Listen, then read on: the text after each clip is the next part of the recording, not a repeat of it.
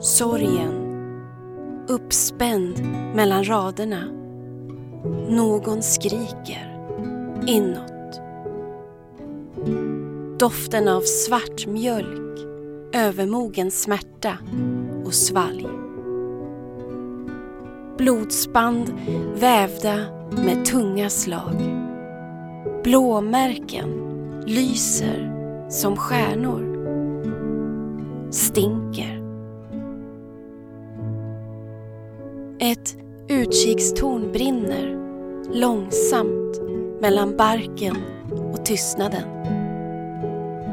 Blicken fixerad tills den går sönder. Åren går på batteri tills något dör så in i helvete. Efter tusen nålar och en natt som på nytt född med blågul insida och självlysande ärr. Mia Makila, dagboken den 17 april 2016.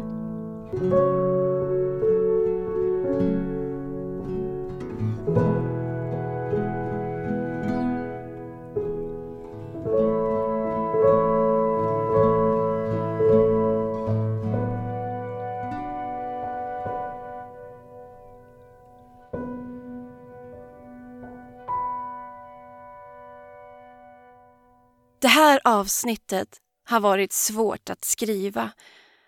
Stundtals har jag faktiskt funderat på att bara lägga ner. Att rota i rötter och att dra och slita i dem är ändå något vi försöker undvika så länge det går. Men det är också otroligt befriande. Jag är inte samma person nu som när jag började skriva på det här manuset för bara någon månad sedan på ett bra sätt. För det är ju så att jag skapar de här avsnitten medan jag fortfarande läker mina själasår som jag samlat på mig från flera relationer där det förekommit psykisk misshandel och patologisk narcissism. Jag är ingen expert, inte heller psykolog, utan är en känslig och tänkande konstnär som söker efter svar kring varför jag känner och tänker som jag gör och hur mina själasår egentligen kom till. Därför blir dessa avsnitt fulla av äkta blod, svett och tårar. Jag läker genom att samla på mig kunskap som jag sprider vidare till er genom den här podden. Min förhoppning är att ni också kan läka genom att komma till liknande insikter som jag själv har fått på vägen. Det vi inte förstår oss på kan vi heller inte förändra eller läka. Medvetenhet är alltid första steget mot en positiv förändring. Så vi läker tillsammans, ni och jag. Du lyssnar på Epilogen Podcast och jag är Mia Makila.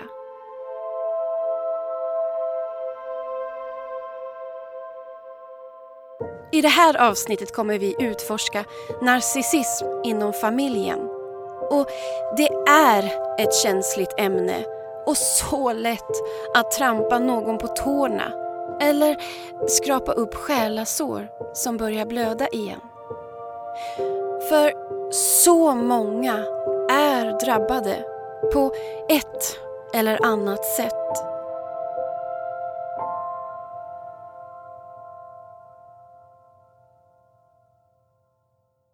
Kanske har man vuxit upp med en narcissistisk förälder eller kanske till och med två narcissistiska föräldrar.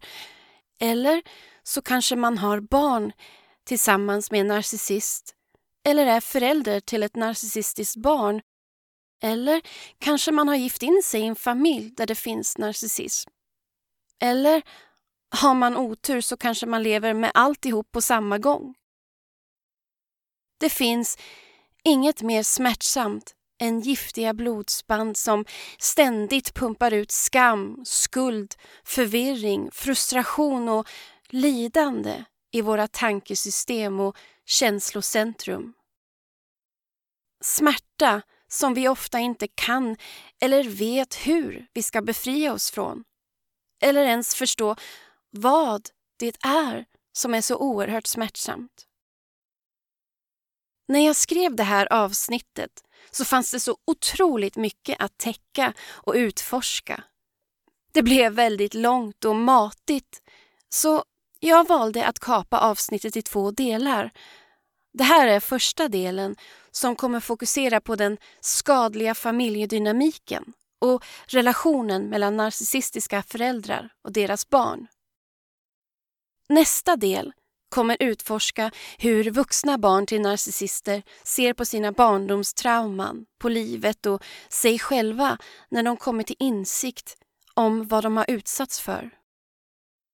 Med dessa avsnitt hoppas jag kunna ge en liten inblick i det psykologiska och emotionella blodspill som kan ske inom en familj bakom stängda dörrar. Narcissistiska föräldrar och familjeroller kommer i alla kombinationer man kan komma på. Både mammor och pappor kan ha narcissistiska drag eller personligheter. Ja, även i samkönade relationer och barnens roller kan variera könsmässigt från familj till familj. En narcissistisk förälder behöver såklart heller inte vara en biologisk förälder. Definitionen av familj kan också variera från en familjeenhet av en ensamstående förälder till kärnfamilj, bonusfamilj, fosterfamilj eller ja, andra familjekonstellationer. Men det de alla har gemensamt är att i familjer med narcissistiska föräldrar har alla sin roll att spela i familjedynamiken. Alla har sin position att fylla för att narcissisten obehindrat ska kunna kontrollera allt och alla. Rollerna kan dock komma att bytas ut med tiden om familjemedlemmarna eller förutsättningarna förändras. Men strukturen är alltid densamma. Och det är just denna struktur som vi ska undersöka i det här avsnittet. Men det är också svårt att prata om skadlig familjedynamik utan att vara medveten om familjens grundläggande kulturella värderingar, normer och traditioner. Som till exempel hedersförtryck, vilket vilar på familjens värderingskontext inom sin specifika kulturtradition. Familjens värderingar kan också grunda sig i en konservativ pappa vet bäst-mentalitet eller vara färgade av patriarkala mönster, machokultur och allmänt godkänt kvinnoförakt. Dessa grundläggande element skapar även skillnader mellan könen inom dysfunktionella familjer. Dynamiken mellan en narcissistisk pappa och hans dotter kan till exempel skilja sig från dynamiken mellan en narcissistisk mamma och hennes son. Samma sak med en narcissistisk mamma och hennes dotter och en narcissistisk pappa och hans son. Ja, jag sa ju att det är komplext att prata om det här. Eftersom familjer, mer eller mindre, är en stängd enhet och vi anser att det som händer inom en familj är en familjeangelägenhet som inte andra har något med att göra så är det svårt för utomstående att kunna se och uppfatta dysfunktionell familjedynamik. Särskilt svårt är det för andra att se narcissistisk misshandel inom en familj eftersom narcissistens absoluta viktigaste mål är att se exemplarisk och perfekt ut utåt. Det finns ingen som är så bra på självvarumärkesbyggande som en narcissist. Både den egna och familjens image hålls fläckfria och narcissisten är ofta mycket omtyckt och uppskattad av andra människor utanför familjen. Ofta isolerar även narcissisten sin partner från utomstående. Därför finns det knappt någon insyn in till familjens äkta dynamik. Familjer med narcissism kan mycket väl liknas vid hur sekter är uppbyggda. Självklart ser inte familjemedlemmarna själva familjen som en sekt. Och det man inte ser eller inte är medveten om finns inte. Och det som vi upplever som inte finns och inte kan se kan vi heller inte förstå oss på eller förändra. Men hörrni! Vi kanske först ska reda ut begreppet narcissist i sammanhanget av en narcissistisk förälder. Vad är en narcissistisk förälder?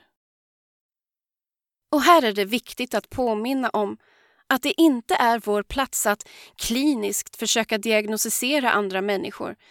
Nej, inte ens våra föräldrar, syskon eller barn. Vi saknar helt enkelt den professionella kompetensen för att kunna avgöra om någon lider av en specifik personlighetsstörning eller personlighetssyndrom som det numera kallas inom vården. Och det är nästan lika hopplöst att låta en terapeut försöka avgöra det. En människa som lider av antingen öppen grandios eller dold fragil narcissism eller värst malignant narcissism en extrem form av ondskefull narcissism blandat med antisociala och psykopatiska drag troligtvis aldrig i livet skulle tillåta att undergå en sådan utredning. De gör ju allt för att inte andra ska avslöja deras falska och uppblåsta självbild. Att till varje pris upprätthålla denna villfarelse om sig själva som överlägsna andra är helt enkelt deras mission in life. Den öppna, grandiosa narcissisten gör det främst genom att försöka imponera på andra. Den dolda, fragila narcissisten gör det ofta genom att upplevas som ett offer eller martyr. Och den malignanta narcissisten genom att sätta skräck i andra. Alltså, missförstå mig inte. Narcissister kan vara allt det där men tenderar att luta sig lite extra mot någon av dessa tre personlighetsstilar. Narcissistisk personlighetssyndrom, eller NPD, kännetecknas även av ett överdrivet självhävdelsebehov, bristande självkännedom och brist på empati. Det finns många missförstånd när det gäller narcissister. Till exempel, NPD är inte samma sak som den naturliga narcissism som alla människor har. Det vill säga viljan att bli omtyckt och få uppmärksamhet och bli bekräftad. Det är inte heller samma sak som att en person beter sig som en idiot i största allmänhet eller endast är överdrivet självcentrerad. Det är många människor som helt enkelt är känslomässigt omogna. Och Det finns många människor som uppvisar narcissistiska drag men som inte lider av NPD och kan därmed förändras, mogna och växa som människor.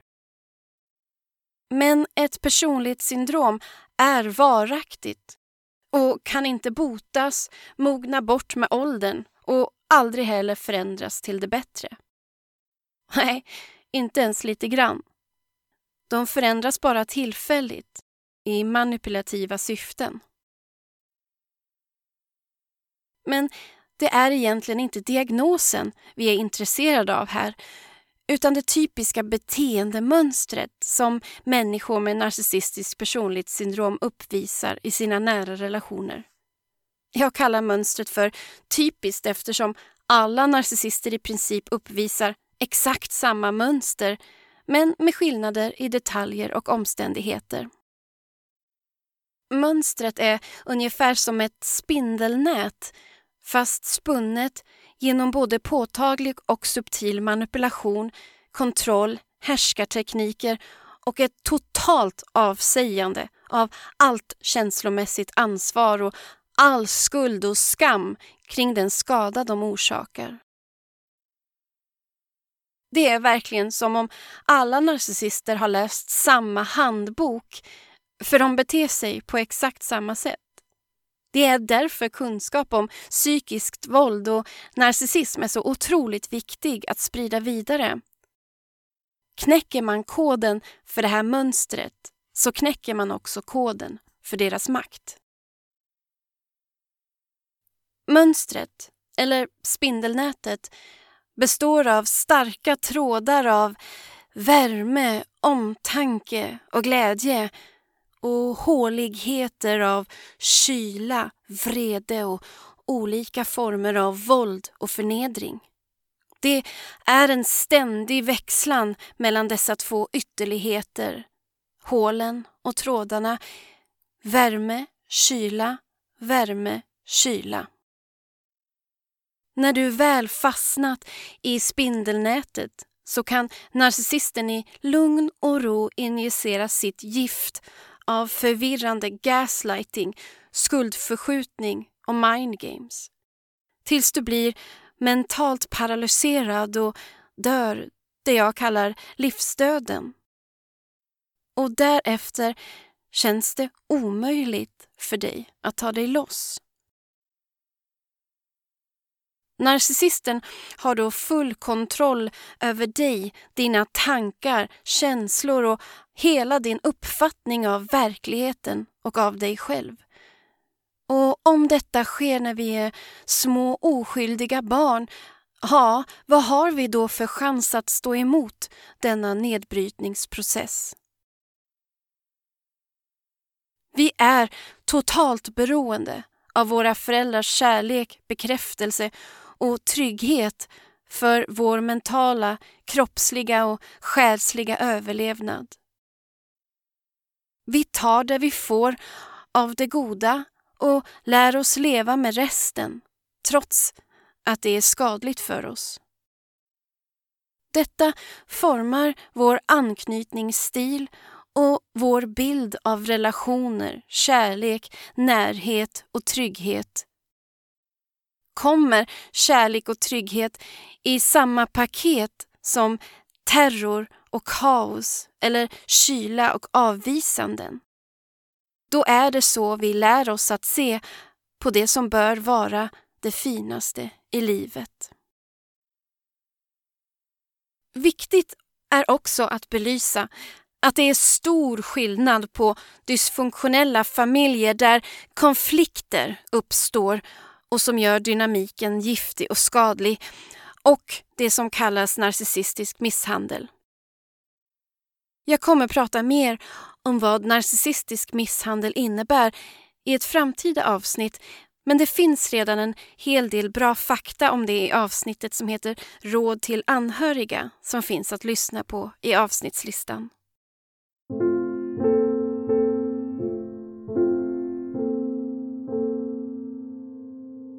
Det är utifrån alla dessa kriterier vi nu ska ta oss an ämnet narcissism inom familjen.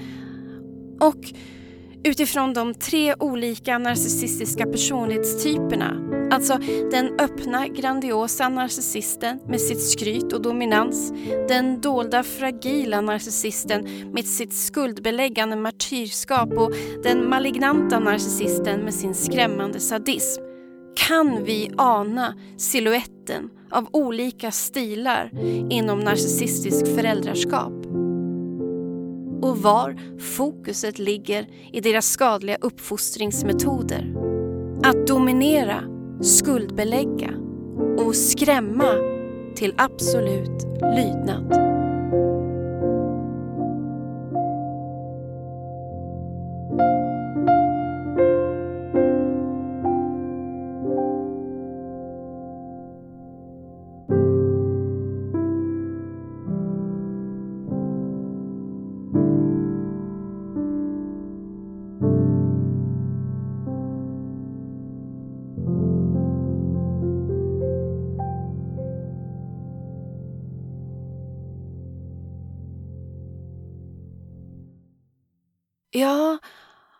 Och så var det det där med familjerollerna.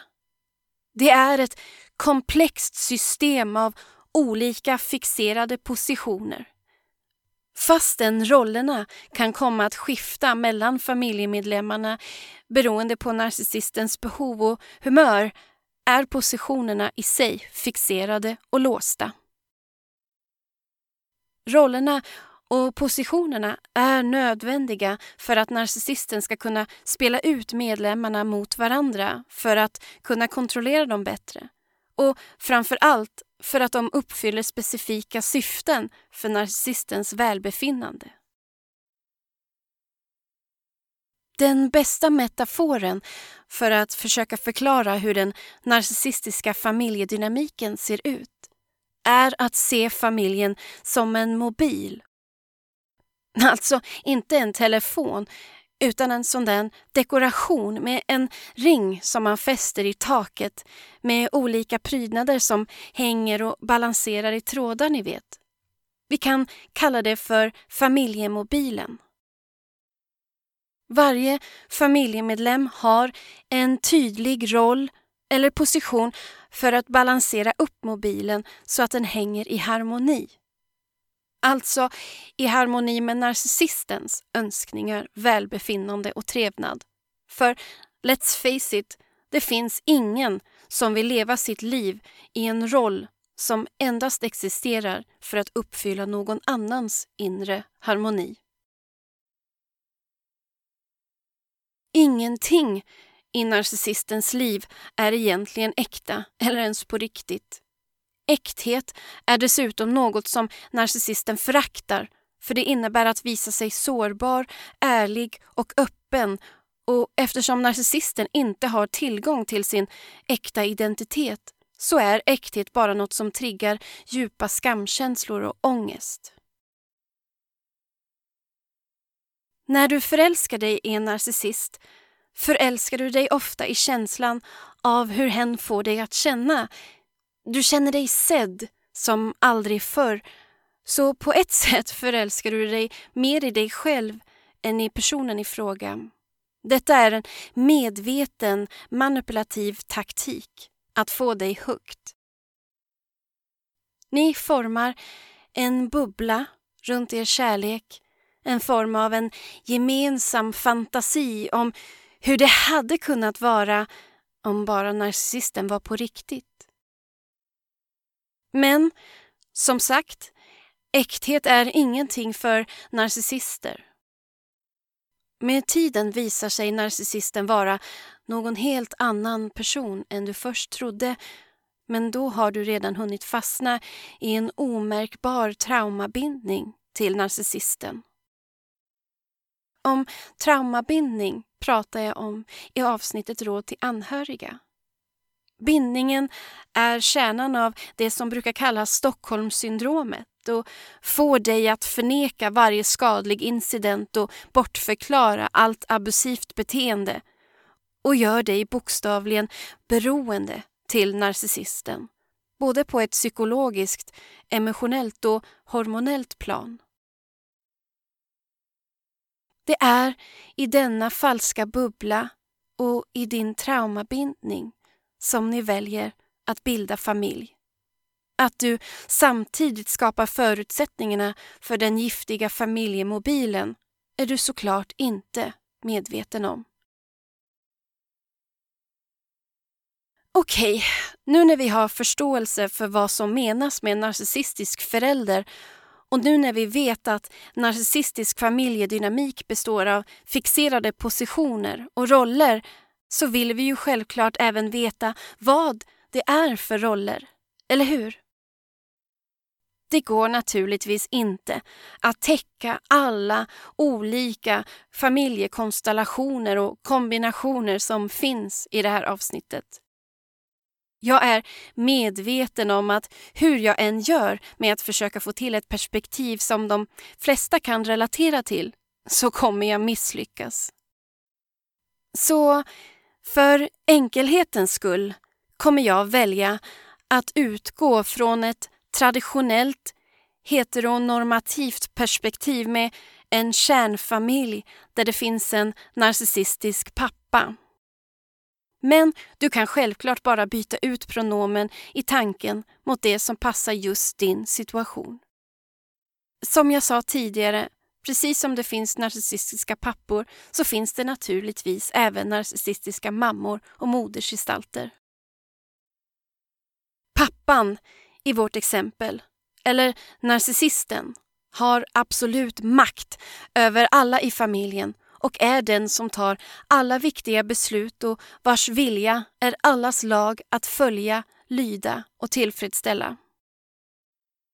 Ingen i familjen får lov att kritisera, ifrågasätta eller utmana hans auktoritet, beteende eller vilja. Han får lov att bete sig hur han vill, mot vem han vill utan att behöva stå till svars för sitt beteende. Men ingen annan får lov att agera på samma sätt. Ja, eventuellt då förutom guldbarnet i familjen som vi kommer till lite senare. Precis som för vilken narcissist som helst så är hans absoluta viktigaste mission in life att se till att behålla sin falska uppblåsta självbild och sedan tvinga andra i sin närhet att spegla den åt honom. Skulle någon i familjen ha mage att utmana eller avslöja denna vanföreställning blir den personen ofta tilldelad rollen som hela familjens syndabock, som vi också kommer prata om lite senare. Som vi redan varit inne på så finns det många likheter mellan den narcissistiska familjeenheten och hur sekter är uppbyggda. Så den narcissistiska pappan skapar, på samma sätt som en sektledare, en stängd psykologisk miljö där han fostrar medlemmarna till att tysta ner, censurera och bestraffa all form av kritik, ifrågasättande eller avslöjande kring den skadliga dynamiken och alla abusiva beteendemönster eller olika former av våld och förnedring som förekommer. Allt för att han ska kunna få behålla sin inbillade känsla av total makt, kontroll och överlägsenhet. Och kom ihåg att han kan göra så genom att vara öppen, grandios med skryt och dominans eller att vara dold, fragil med ett skuldbeläggande martyrskap eller genom att vara malignant, sadistisk och aggressiv. Ofta lite av allt. Mamman i vårt familjeexempel är genom sin traumabindning redan medberoende till narcissisten och därmed hans primära offer. Precis på samma sätt som en sektledares partner är hon 100% lojal och dedikerad till att försvara narcissisten på alla tänkbara sätt. Denna totala lojalitet har hennes partner tvingat sig till genom traumabindningen med att växla från att ge henne värme för att sedan bli kylig och aggressiv men också genom att hota eller skrämma henne till att inte våga gå emot hans vilja. Detta resulterar i en slags inlärd konflikträdsla som gör att hon till varje pris försöker undvika att reta upp narcissisten för att slippa hans abusiva beteenden och utbrott. Hon blir därför överdrivet passiv och följsam till hans vilja och möjliggör på så sätt narcissistens skadliga beteende gentemot deras barn. Genom sin överdrivna passivitet tillåter hon oacceptabla saker ske. Därför kan vi kalla hennes roll för tillåtaren eller the enabler på engelska. Narcissisten har endast fullkomlig makt i familjen så länge han har tillåtaren vid sin sida som snabbt sopar hans skadliga beteende och alla traumatiserande incidenter under mattan.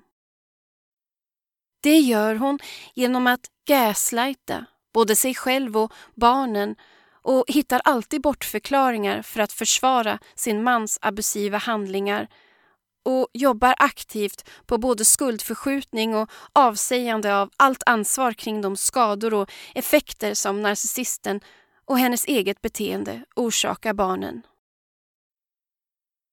Självklart finns det många varianter av tillåtaren och hennes motivation för att stanna i relationen varierar från att hon sitter fast i traumabindningen, rädsla för det som kallas eftervåldet.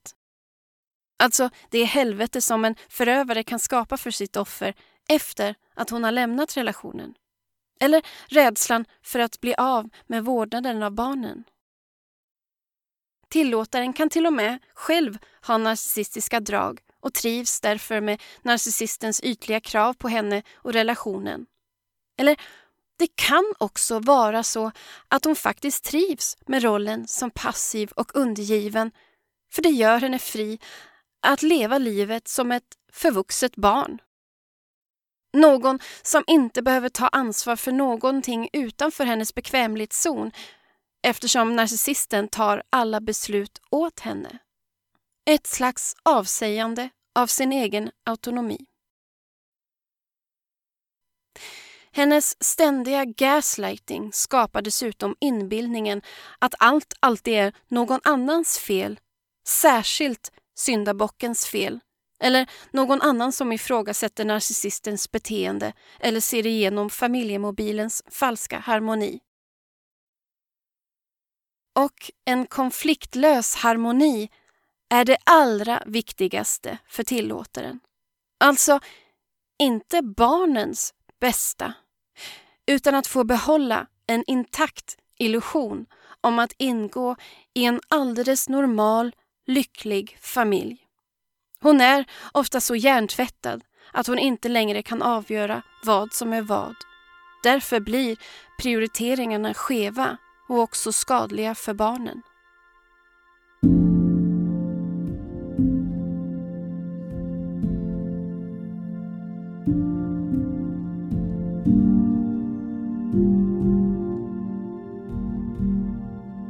När det kommer till barnen är det främst två roller eller positioner som är viktiga för harmonin i den narcissistiska familjemobilen. Den ena rollen är favoritbarnet, eller också kallat guldbarnet, the golden child på engelska.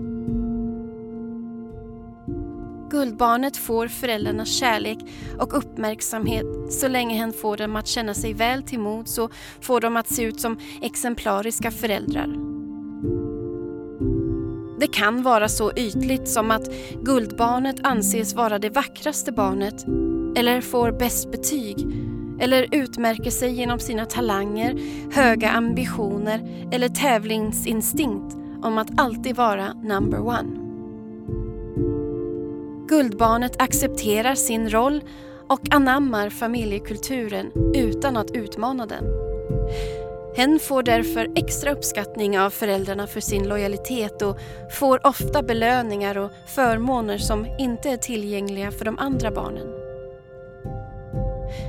Så länge guldbarnet får föräldrarna att se bra och exemplariska ut kan hen inte göra något fel i deras ögon.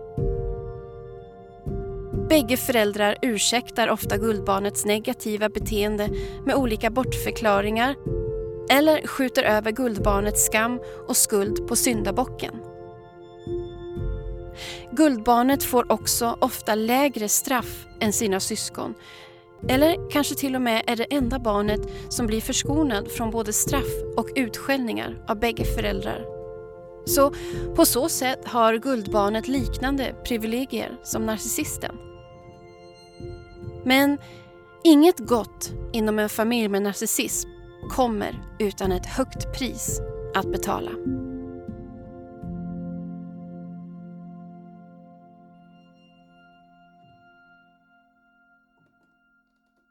Det är naturligtvis en enorm börda för ett barn att leva upp till onödigt tunga krav som narcissistiska föräldrar ställer bara så att de själva ska kunna se bra ut inför andra. Guldbarnet känner ju att föräldrarnas kärlek är villkorad. Guldbarn är inte älskade för vem de egentligen är utan för vad de kan ge föräldrarna att spegla sig i. Men vad händer till exempel med guldbarn som hyllas för sin skönhet, som i tonåren drabbas av akne eller någon annan synlig åkomma som inte anses addera till barnets skönhet? Vad händer med guldbarn som hyllas för att de är duktiga elever när de inte längre orkar briljera i skolan och kommer hem med medelmåttiga eller till och med dåliga betyg? Vad händer när de försöker forma en självständig röst och börjar utmana det villkorade oskrivna kontraktet kring deras totala lojalitet gentemot föräldrarnas värderingar, åsikter och narcissistiska familjekultur i utbyte mot deras kärlek och uppskattning. Nej, guldbarn sitter fast i att leva upp till de krav och förväntningar som föräldrarna ställer på dem Annars riskerar de att bli omplacerade i familjemobilen till positionen som syndabock. De har ju genom syndabocksyskonet bevittnat hur fruktansvärd och skrämmande den positionen är eftersom de sitter inlåsta i sin gyllene bur drabbas ofta guldbarn av psykisk ohälsa, ångest och depression under sin barndomstid. Det är också vanligt att deras position av att vara särskilt utvalda och berättigade till särbehandling leder till att de själva i tidig ålder utvecklar någon form av kluster B-personlighetsstörningar vilket bland annat innefattar narcissistiskt personlighetssyndrom, antisociala syndrom och psykopati. Men självklart förnekas varje symptom på detta av föräldrarna och sopas av tillåtaren istället under mattan eftersom det inte får dem att framstå som exemplariska föräldrar. Guldbarnen får därför absolut inget internt stöd kring att hantera sina symptom eller psykiska ohälsa och lidanden. Guldbarnet lär sig tidigt vad föräldrarna tycker om och vad som inte går hem och håller sig till det. Eftersom den narcissistiska föräldern ogillar alla former av sårbarhet så har guldbarnet lärt sig att tränga bort sina sårbarheter och istället dölja dem under en falsk mask av psykologisk överlägsenhet, känslomässig kyla och kroppslig kontroll. Egentligen allt som barnet inte är. Eftersom detta uppmuntras och belönas av föräldrarna så tappar guldbarnet sedan kontakt med sina äkta känslor, behov, ja, hela kopplingen till sig själv. De offrar sitt äkta jag för att överleva rent mentalt och känslomässigt i en miljö där de inte får sina känslomässiga behov tillgodosedda utan istället blir utsatta för narcissistisk misshandel. Det är väl ändå ett högt pris att betala för ett barn som bara vill få sina föräldrars kärlek och trygghet.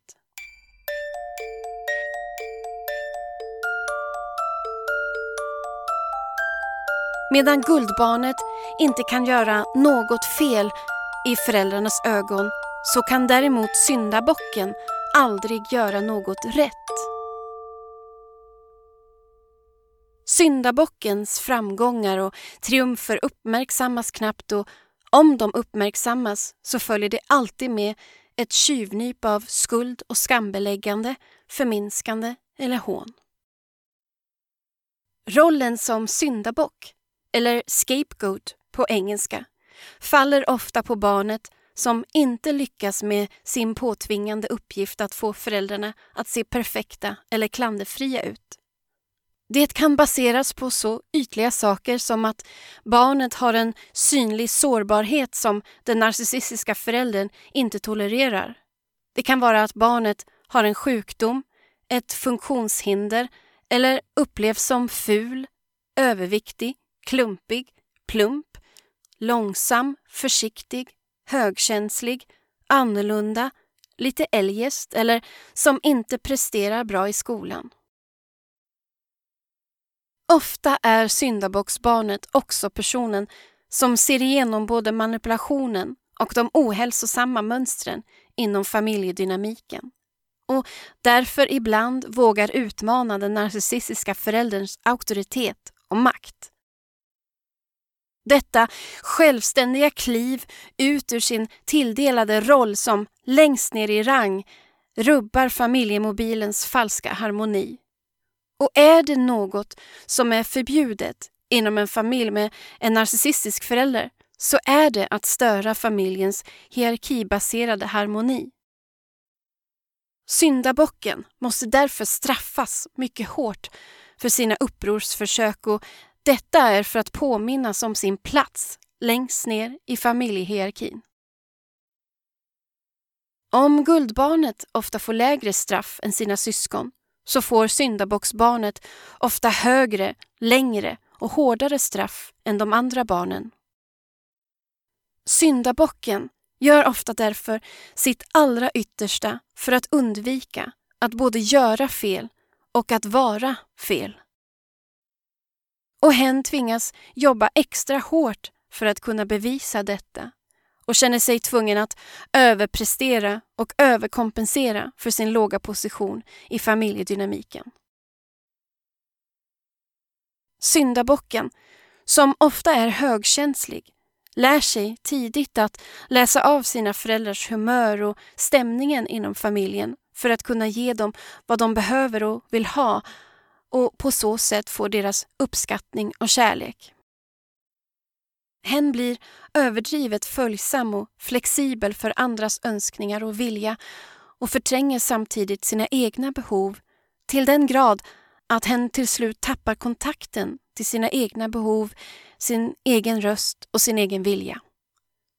Syndabocken mår bara bra när alla andra mår bra.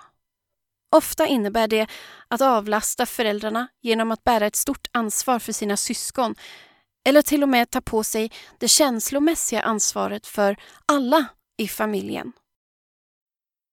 Syndabocken tröstar, medlar, förhandlar och vakar över familjen med ständig oro och pliktkänsla. På många sätt har både syndabocken och guldbarnet fått ta över sina föräldrars mest kravfyllda uppgifter.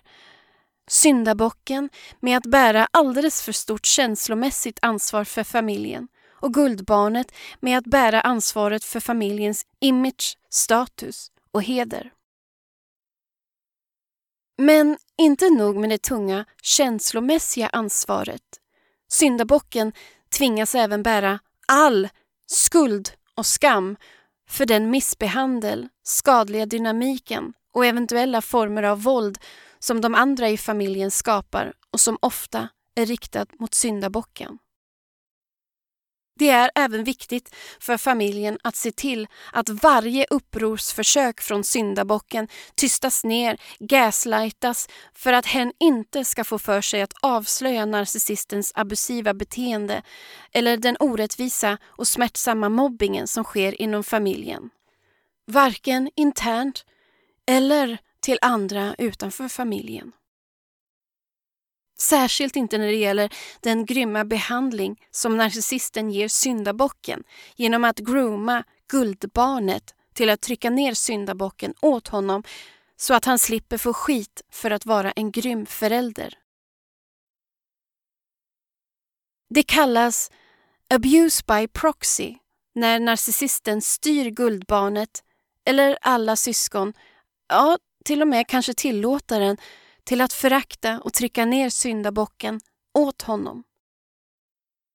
Det ser ju mer naturligt ut när syskon är elaka mot varandra än när en förälder aktivt trycker ner sitt barn.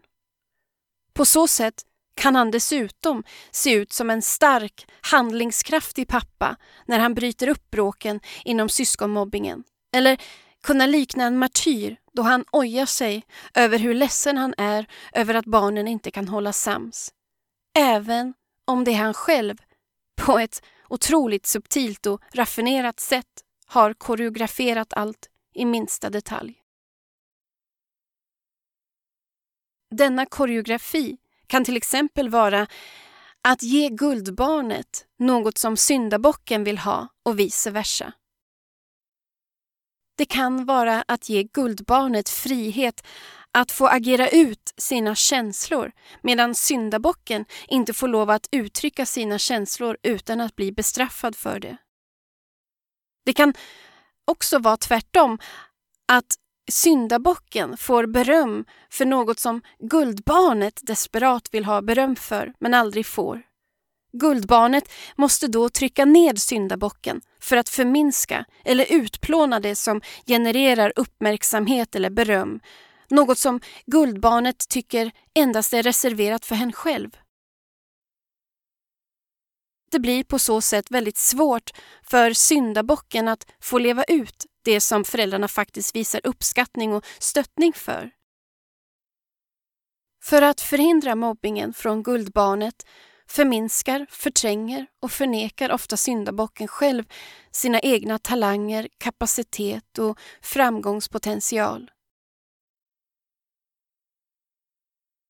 Till skillnad mot guldbarn som utvecklar narcissistiskt personlighetssyndrom som bokstavligen offrar sitt äkta jag för att kunna överleva rent mentalt och känslomässigt så trycker syndabocken undan sitt äkta jag men har fortfarande tillgång till det genom terapi senare i livet.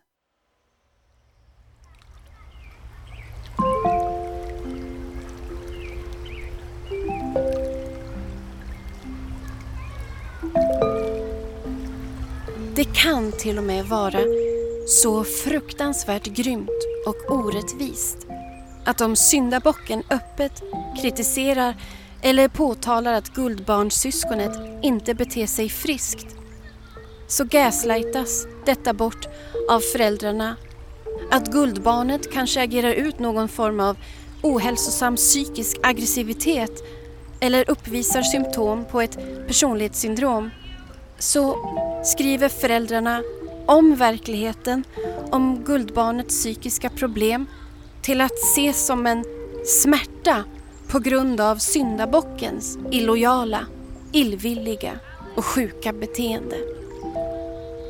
Det är en helt ofattbar form av gaslighting och symptomöverföring. Eller om man så vill, en identitetsstöld för att guldbarnet ska kunna få behålla sin höga rang inom familjen och samtidigt passa på att misskreditera och vanrykta syndabocken så att familjens mobbing mot henne känns både befogad och rättvis.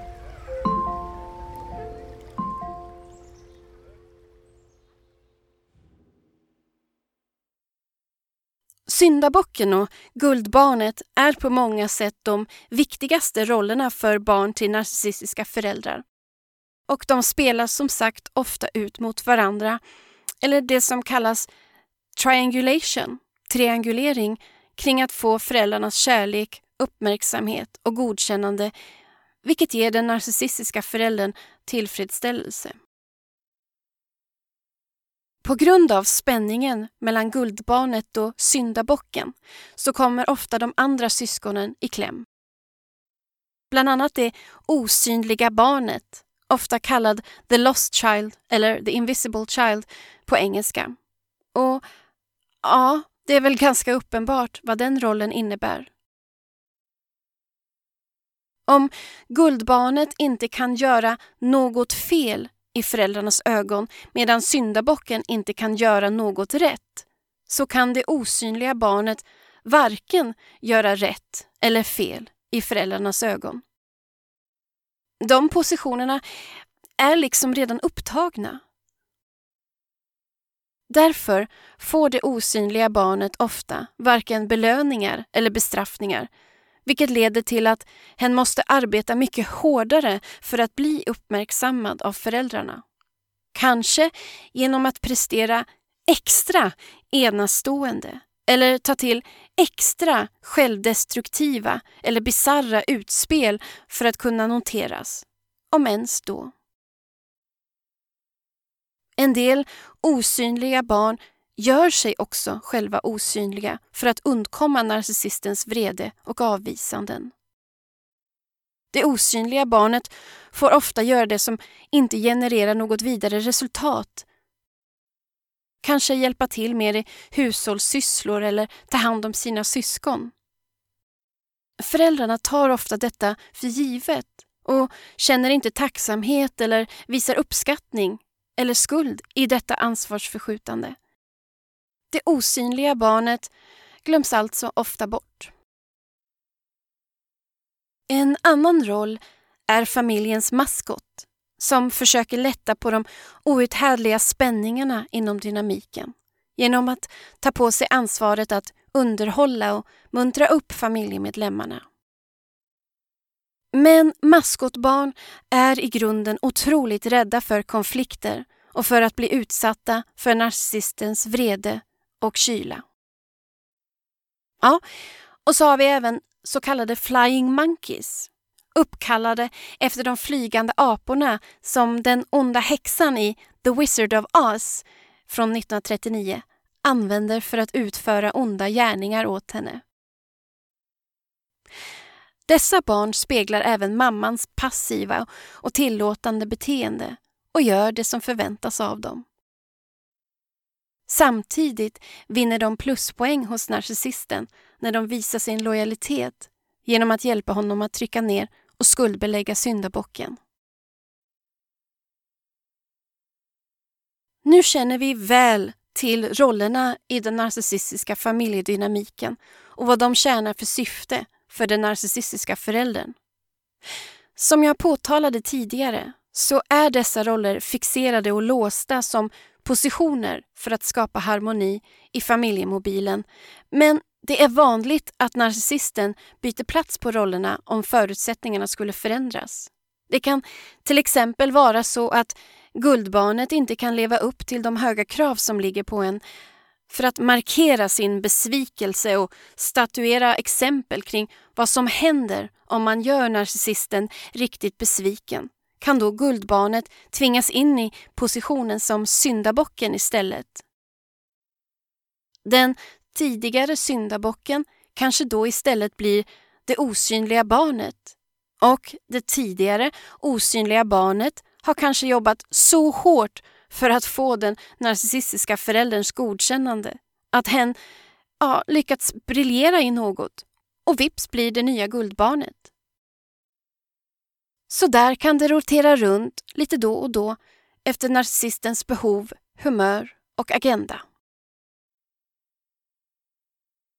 Eftersom syskonskaran är uppdelad i fixerade och låsta positioner men som samtidigt går att fylla med olika individer så blir det ofta rivalitet och giftig konkurrens mellan barnen. Detta både roar och tillfredsställer den narcissistiska pappan eftersom de ju i princip bråkar om hans uppmärksamhet, tillgivenhet och kärlek vilket ger så kallad narcissistic supply eller narcissistisk påfyllnad. Alltså näring åt narcissistens uppfattning om sig själv som den självklara toppen av familjehierarkin. Men hur är det egentligen att leva i en sån här familjedynamik? Hur formar den barnens relation med sina föräldrar och syskon? Shh. Hör ni? Floden.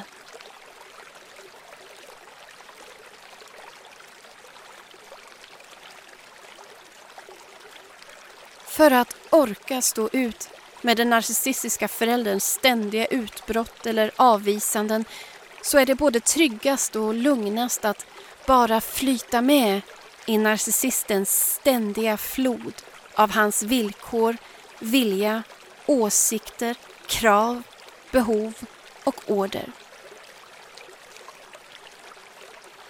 Jag kallar det här flödet av narcissistiska krav och förväntningar för kejsarfloden. Ni som följt Epilogen Podcast ett tag vet att jag älskar att använda mig av popkulturreferenser för att belysa narcissism. Och nu kommer jag göra det igen.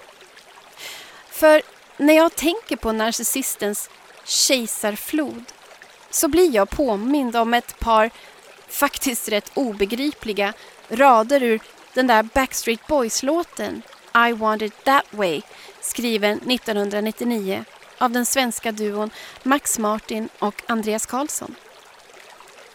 Och tänk er nu att det är narcissisten som säger det här.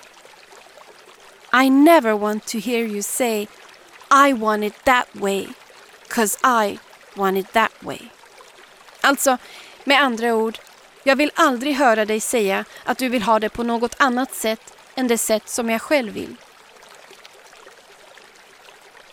Jag tycker det summerar innebörden av kejsarfloden rätt bra.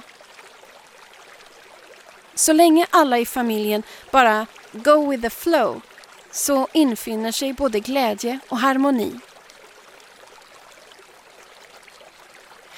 Men det är en skör lycka, en illusion om balans. Det är endast lugnt om alla rör sig i riktningen av narcissistens flod av bekvämlighet. Minsta lilla tecken på obekvämlighet bryter flodens sköna flöde för narcissisten och han reagerar med vredesutbrott, kyla eller martyrskap.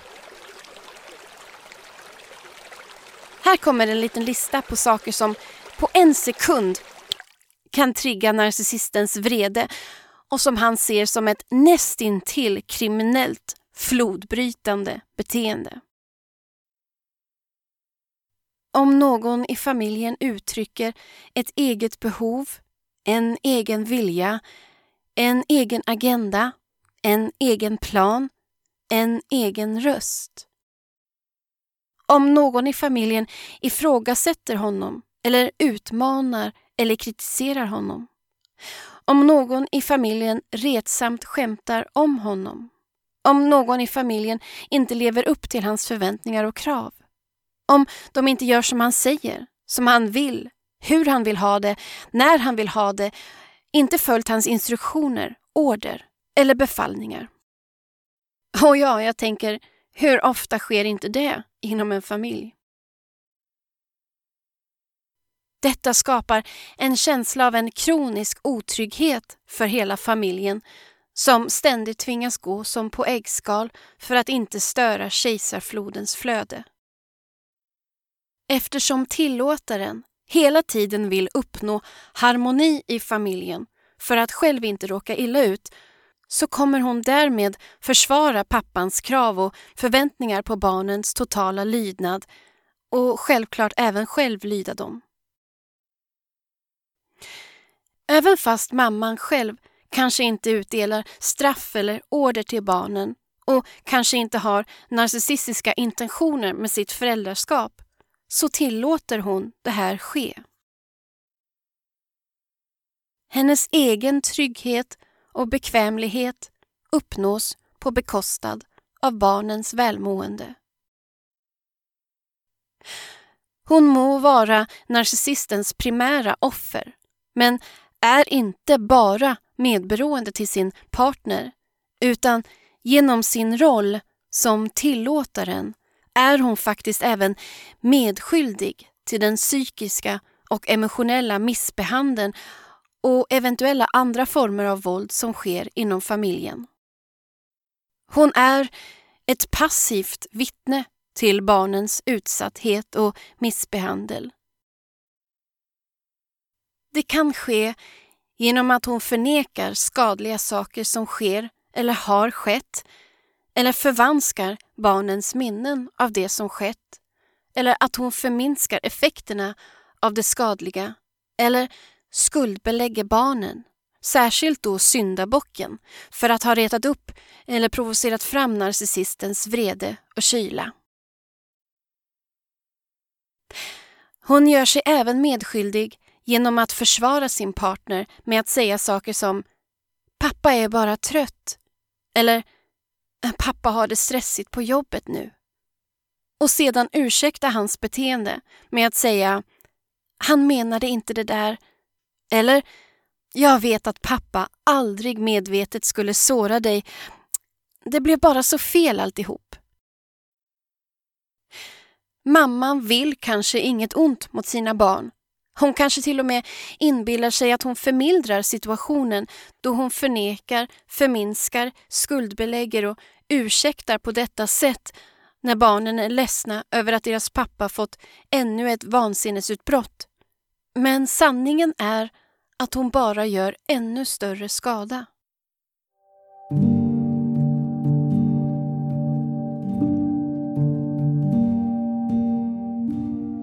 Barnen upplever hennes passivitet som frustrerande, förvirrande och otrygg. När hon förnekar det som hänt inom familjen så förnekar hon även barnens upplevelser, känslor och verklighetsuppfattning.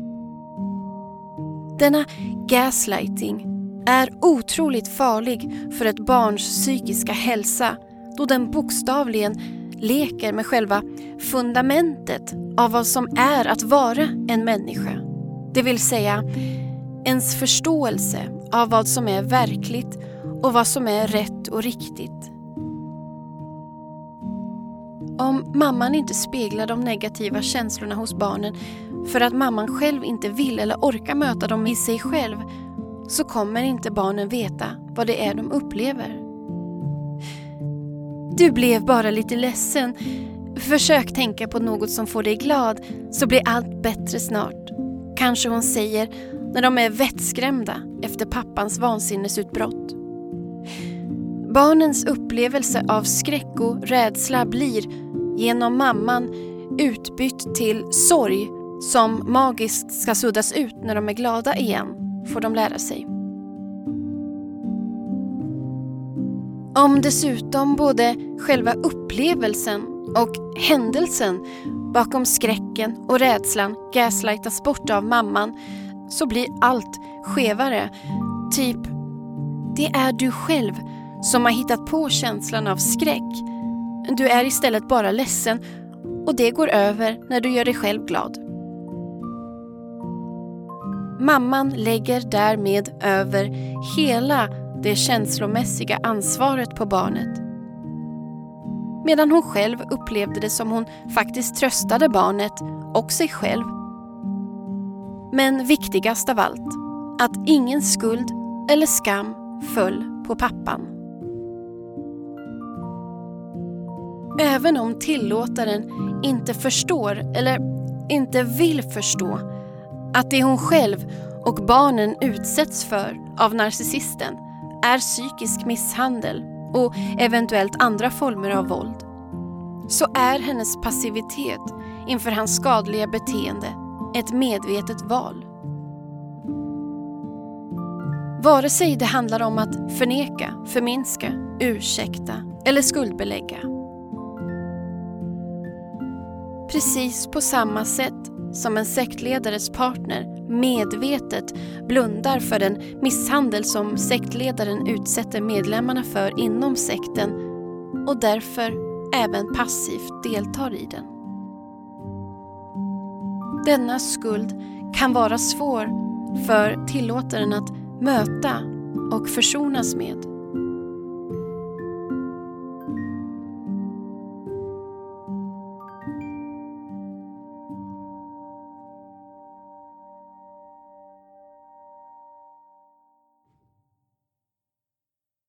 Det är vanligt att barn delar upp sin narcissistiska pappa som om han är två olika personer. Snälla pappa och dumma pappa. Och kanske även undermedvetet delar upp mamman som lojala mamma och illojala mamma. Även barnen fastnar i en traumabindning till narcissisten, precis som deras mamma. Barnens känslor inför pappan styrs av lojaliteten från traumabindningen. Men inför mamman är deras känslor mer komplexa. Hon får ofta ta emot barnens starka känslor inför pappan som de endast vågar agera ut på henne. Samtidigt som hon själv kämpar med sina motstridiga känslor inför sin partner. Barnen utmanar på så sätt hennes egen uppfattning om sig själv och sin relation till narcissisten. Detta gör att hon kanske avvisar barnens känslor ännu mer. Hon kan inte och vill inte se familjedynamiken som den är, för om hon gör det så kommer hennes värld att slå sönder. Och då måste hon möta sin skuld och skam genom sin roll som narcissistens medskyldiga, passiva tillåtare. Och kanske dessutom våga bryta upp familjen och lämna relationen. Och som vi har pratat om i flera avsnitt av den här podden så känner offret ofta att det är tryggast och säkrast att stanna än att lämna sin förövare. Vissa mammor hittar dock både mod och styrka att till slut lämna sin narcissistiska partner. Eller så blir de lämnade av honom då han har hittat en yngre, fräschare tillåtare som speglar honom på ett mer smickrande sätt. Men många, många stannar kvar och är lojala mot narcissisten ända till livets slut. Men även om tillåtaren lyckas lämna relationen för att rädda barnen från den narcissistiska föräldern så kan det vara svårt för barnen att förstå det heroiska i hennes beslut. Det giftiga traumabandet till pappan gör separationen extra svår att hantera för barnen. Men varför är det då så viktigt för den narcissistiska föräldern att hans familj gör exakt som han vill, exakt när han vill och på det exakta sättet som han önskar? Vad handlar allt om egentligen?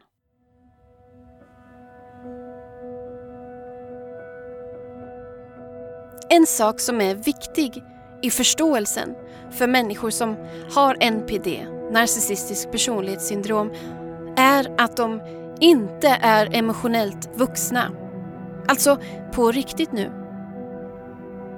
De har på många sätt stannat i den emotionella och psykologiska utvecklingen i en tidig ålder, kanske runt 4 till 6 års åldern, på grund av att de själva utsatts för narcissistisk misshandel av en förälder eller två. Själva personlighetssyndromet är en traumarespons nära besläktat med komplex PTSD som deras offer sedan ofta också drabbas av. Det utvecklas genom att de skapar en falsk identitet som speglar föräldrarnas maktutövande beteende av kyla, distans, vrede och abusiva beteenden. På så sätt känner barnet sig i kontroll över sitt eget trauma. Hen är inte längre sårbar, rädd eller utsatt, utan gudalik, precis som han ser föräldrarna som gudalika auktoriteter. En slags domstol som är i position att utdela belöningar och straff.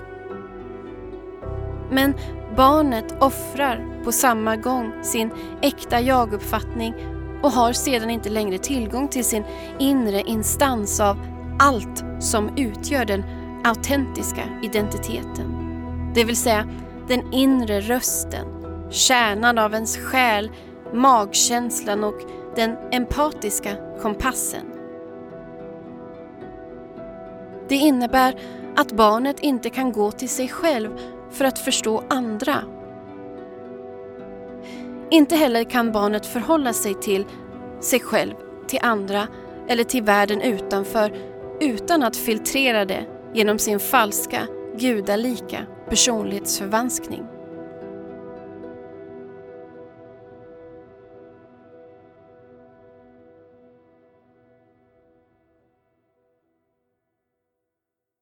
Den naturliga utvecklingen tvingar alla barn att komma till den chockartade insikten om att deras inre och yttre värld inte är en och samma. Att mamman inte bara tillhör barnet utan också är sin egen individ som har fler roller att spela för andra. Att hon är pappans fru, syskonens mamma, hon är mormorns dotter och har egna vänskapsrelationer. Detta är en smärtsam och omvälvande insikt, en slags sorgprocess för ett barn som sett mamman som hela sin värld. Men i den naturliga utvecklingen accepterar barnet den oundvikliga separationen mellan den yttre världen från den inre, där även mamman blir en del av den yttre världen. Denna naturliga och hälsosamma separation sker inte för barn som utvecklar narcissistisk personlighetssyndrom. Det yttre upplevs fortfarande som en del av det inre. Mamman tillhör det narcissistiska barnet. Syskonen är endast bifigurer i det narcissistiska barnets liv och inte egna individer. Och för den narcissistiska pappan tillhör barnen på samma sätt hans inre värld. Likaså andra människor i hans närhet och saker som väder, trafik, ljudnivåer, djur, miljöer och materiella ting. Allt upplevs av narcissisten som en del av hans inre värld. En annan viktig komponent för att förstå hur narcissister ser på andra människor eller allt runt omkring dem är att deras verklighetsuppfattning är plattare än andras. Detta eftersom de inte kan få input från sin inre röst. Narcissistens sätt att tolka verkligheten är skev och förenklad. Narcissismforskaren Sam Vaknin pratar om så kallade inre snapshots. Det vill säga att narcissisten tar som ett inre snapshot, alltså en bild, av en person, en plats eller ett objekt, ett slags dömande kring det första intrycket. En person kan bli dömd av narcissisten som bra, dålig, värdefull, värdelös och så vidare och det är genom dessa inre snapshots som narcissisten förhåller sig till sin omvärld. Det betyder att han alltid har egentolkade förväntningar på allt och alla. Matchar saker eller personer sedan inte narcissistens föreställning om hur de bör vara, se ut eller kännas så blir han irriterad och stressad. Vi brukar skämtsamt säga att narcissister tror att hela världen cirkulerar kring dem. Och på många sätt är det ju faktiskt sant. Det är just mötet med denna separation mellan den yttre och inre världen som orsakar narcissistens ursinne och kallas narcissistic mortification en term som Sigmund Freud myntade och som kan översättas till en extrem form av narcissistisk förödmjukelse. Alltså, det chockartade och förödmjukande mötet med verkligheten så som den verkligen är och sin äkta position i den som mänsklig, sårbar och absolut icke allsmäktig. Det är ett skäl till varför den narcissistiska föräldern får vansinnesutbrott när någon i familjen bryter flödet i hans kejsarflod eller blir stressad när verkligheten inte lever upp till hans förväntningar. Det är också skälet till att narcissister avskyr sårbarhet, intimitet och närhet. Det vill säga allt som är äkta inom nära relationer.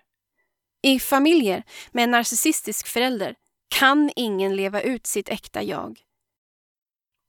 Och ingen förutom narcissisten själv får lov att vara en autonom individ. Barnen är inte egna individer utan ses som narcissistens inre objekt eller som en förlängning av honom. Det finns därför inga gränser mellan en narcissistisk förälder och hans barn eller partner eftersom de tillhör hans värld. Han tänker bokstavligen. Mina barn, min partner, min familj. Denna känsla av ägandeskap gör att han känner sig berättigad att bete sig abusivt mot dem när de inte gör som han vill. Lite på samma sätt som man blir irriterad på datorn när den hänger sig eller på hörnet av byrån som man alltid går in i. Datorjävel eller förbannade byråhelvete kanske man fräser till. Precis så irriterande upplever narcissisten sina barn eller sin partner när de inte gör som han vill. Lägg sedan till att han är oförmögen att känna empati och inte kan leva sig in i andras upplevelser och känslor. Ja, narcissistens familj är en enda cocktail av hans vanföreställningar. Narcissister ser alltså sina barn som inre objekt.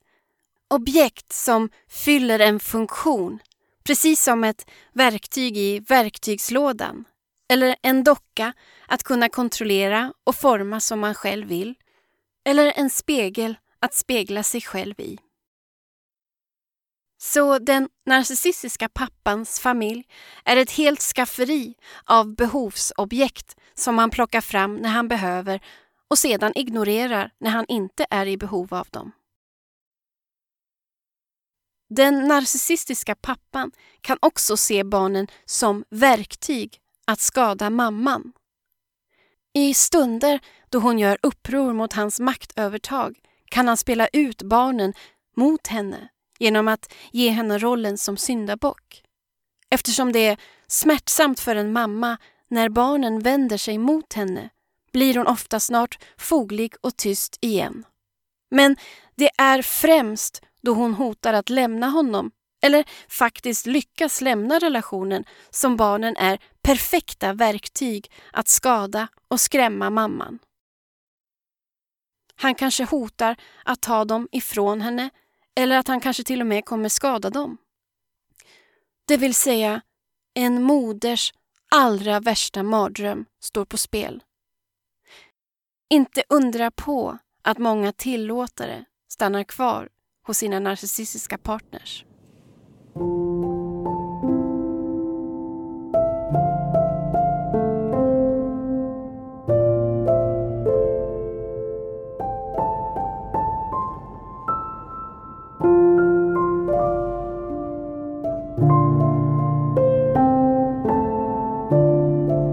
Så älskar narcissisten sina barn?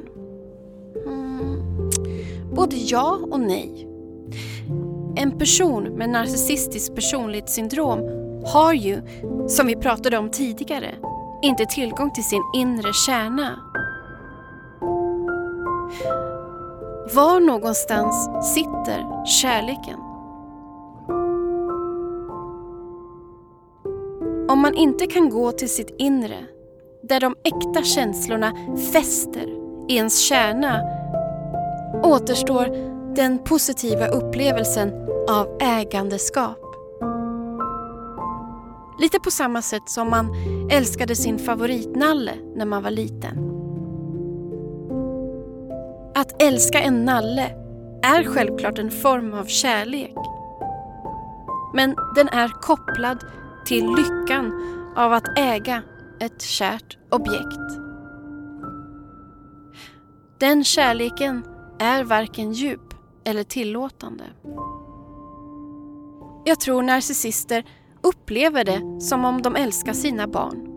De älskar på sitt sätt, men det är inte så som barn vill eller behöver bli älskade.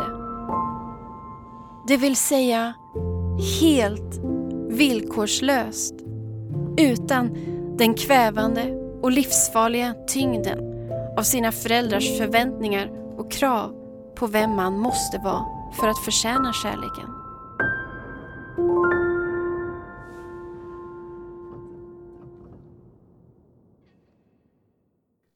Att födas in i ett mönster av manipulation, härskartekniker maktutövande och kontroll i en sektliknande dynamik är en tragedi för alla inblandade. Ja, utom narcissisten såklart. Och det är svårt att se allt det här när man är mitt i det. Det är inte för man verkligen är mogen för att orka och våga se och förstå narcissism inom familjen som man kan börja förstå vad det är man har varit med om. Det är många vuxna barn till narcissister som kanske även inser att de på många sätt egentligen har varit föräldralösa eller till och med helt familjelösa. Även fast de kanske levt med sin familj och haft föräldrar som varit engagerade och närvarande. Även om de haft egna rum med fina saker, alltid haft kläder som är hela och rena. Även om de fått resa jorden runt på familjens exklusiva semesterresor. Även fast de har fått all praktisk eller ekonomisk hjälp de kunnat önska. För en familj ska uppmuntra sina medlemmar att vara sitt äkta jag, inte tvinga dem att offra sitt äkta jag för att få känna samhörighet, acceptans och kärlek. I nästa del om narcissism i familjen kommer vi prata om vilka själasår som vuxna barn till narcissister tvingas leva med och hur syndabocken ser tillbaka på sin roll i familjen. Det har varit ett tungt avsnitt och mycket att ta in. Jag föreslår att du nu gör något som får dig att må riktigt bra. Att du lyssnar på musik du tycker om, ser en bra film, läser en spännande bok eller tar en mysig promenad ute i friska luften. Eller bara kramar om dig själv ett tag eller någon du älskar. För hålrummet, där all den kärlek saknats i vår barndom, har vi all chans att fylla själva genom att omfamna kärleken och glädjen i både stort och smått. Inte som ersättning för något som vi aldrig fick, utan som påfyllning av det som vi kan ge oss själva och som får oss att växa, läka och må bra. Och är det något vi är värda så är det väl just det. Tack för att du har lyssnat.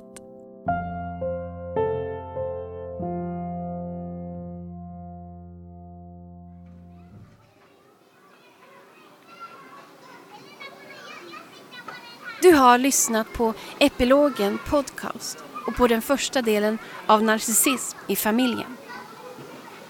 Jag som skriver, framför och producerar podden heter Mia Makila. Mer info om mig och podden finns på miamakila.com. Följ gärna Epilogen Podcast på Facebook och Instagram. Jag postar dagligen inspirerande och motiverande inlägg. Vill ni kontakta mig hittar ni mig på PM eller via mail på epilogenpodcast gmail.com Musiken i avsnittet är poddsäker. Mer info om låtarna finns i avsnittsbeskrivningen.